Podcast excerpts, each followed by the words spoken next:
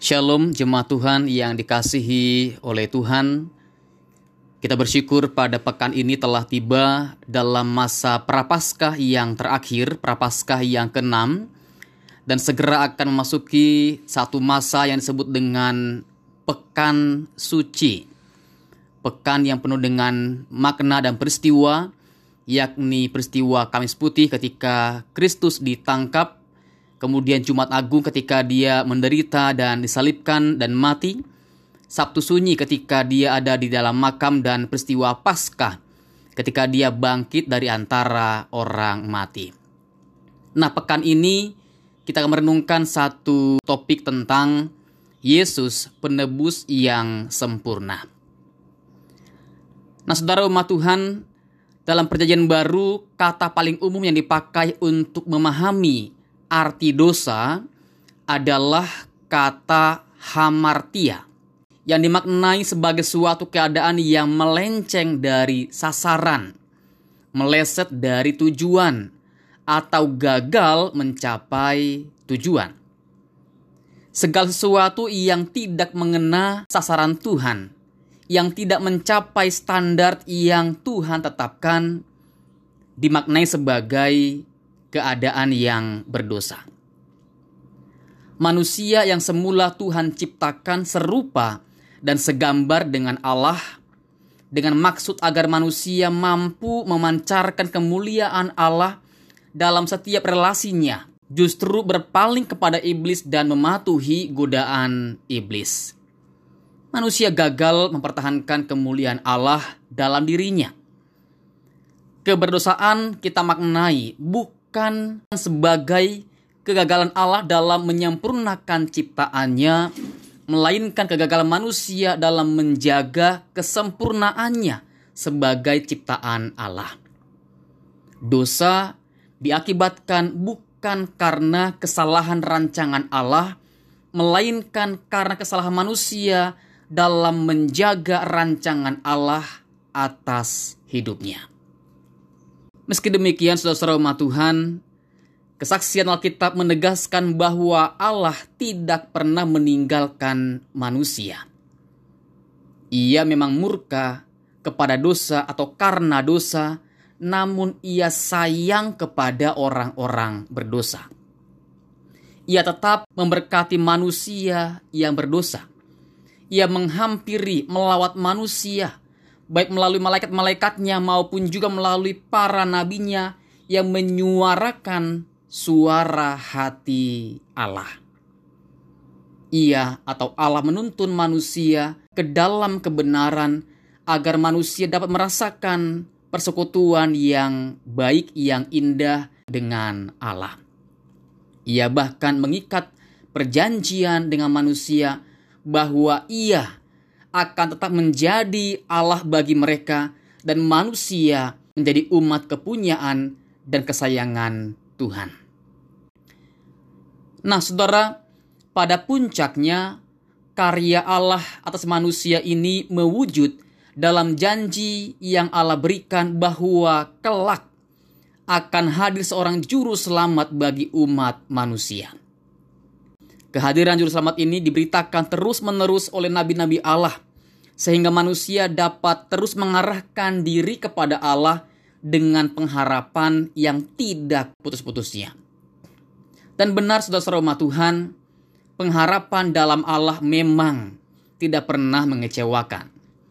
Janji Allah tidak pernah meleset.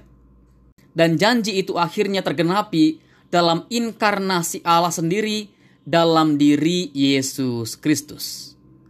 Allah yang adalah roh itu mengambil rupa dalam wujud manusia dan tinggal di antara kita.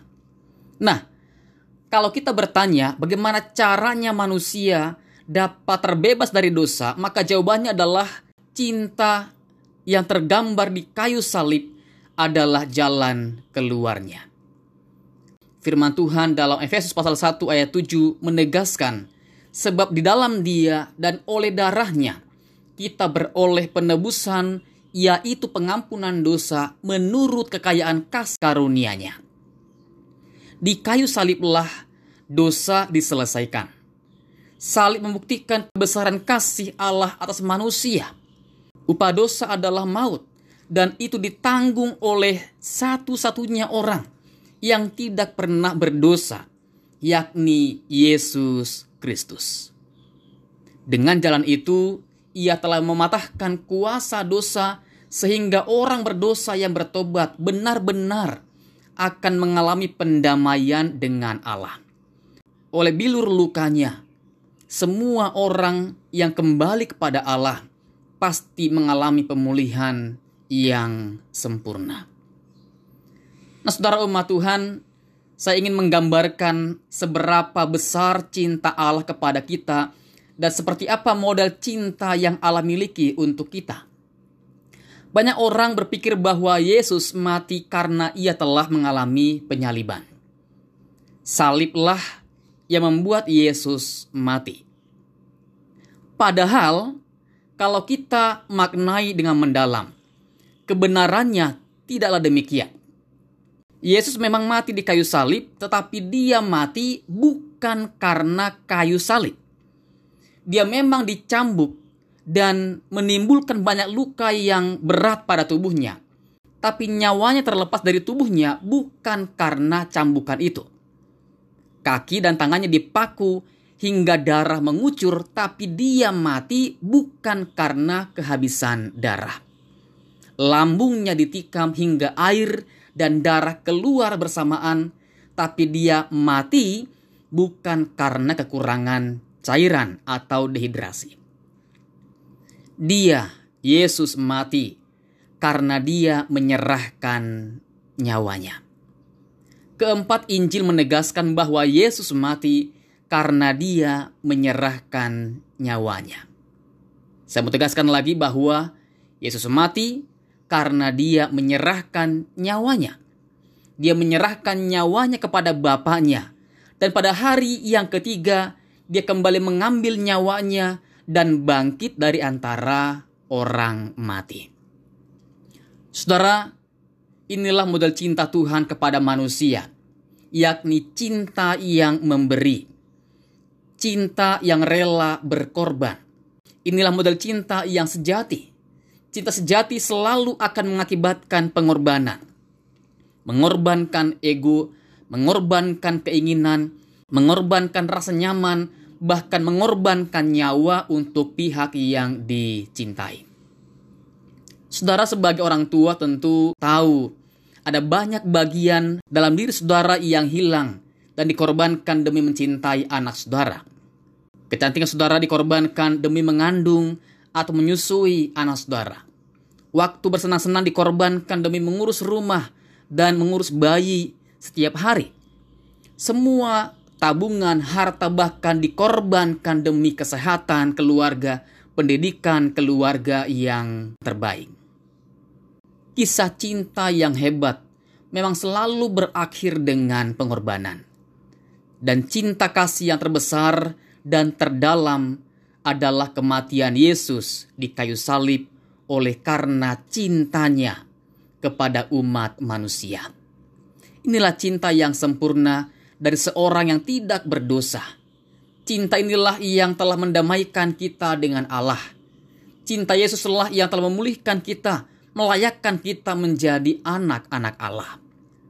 Kita yang dahulu jauh dari Tuhan dan mustahil menyelamatkan diri sendiri, kini telah dimeteraikan oleh cinta kasih Yesus.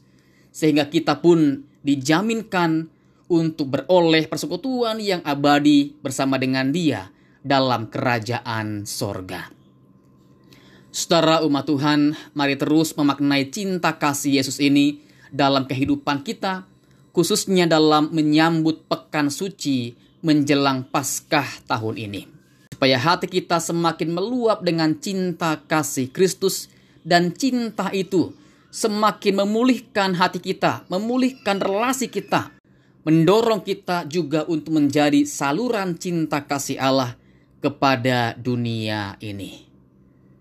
Umat Tuhan, selamat menyambut Jumat Agung dan peristiwa Paskah, peristiwa kemenangan cinta kasih Allah atas kehidupan kita. Tuhan Yesus memberkati. Amin.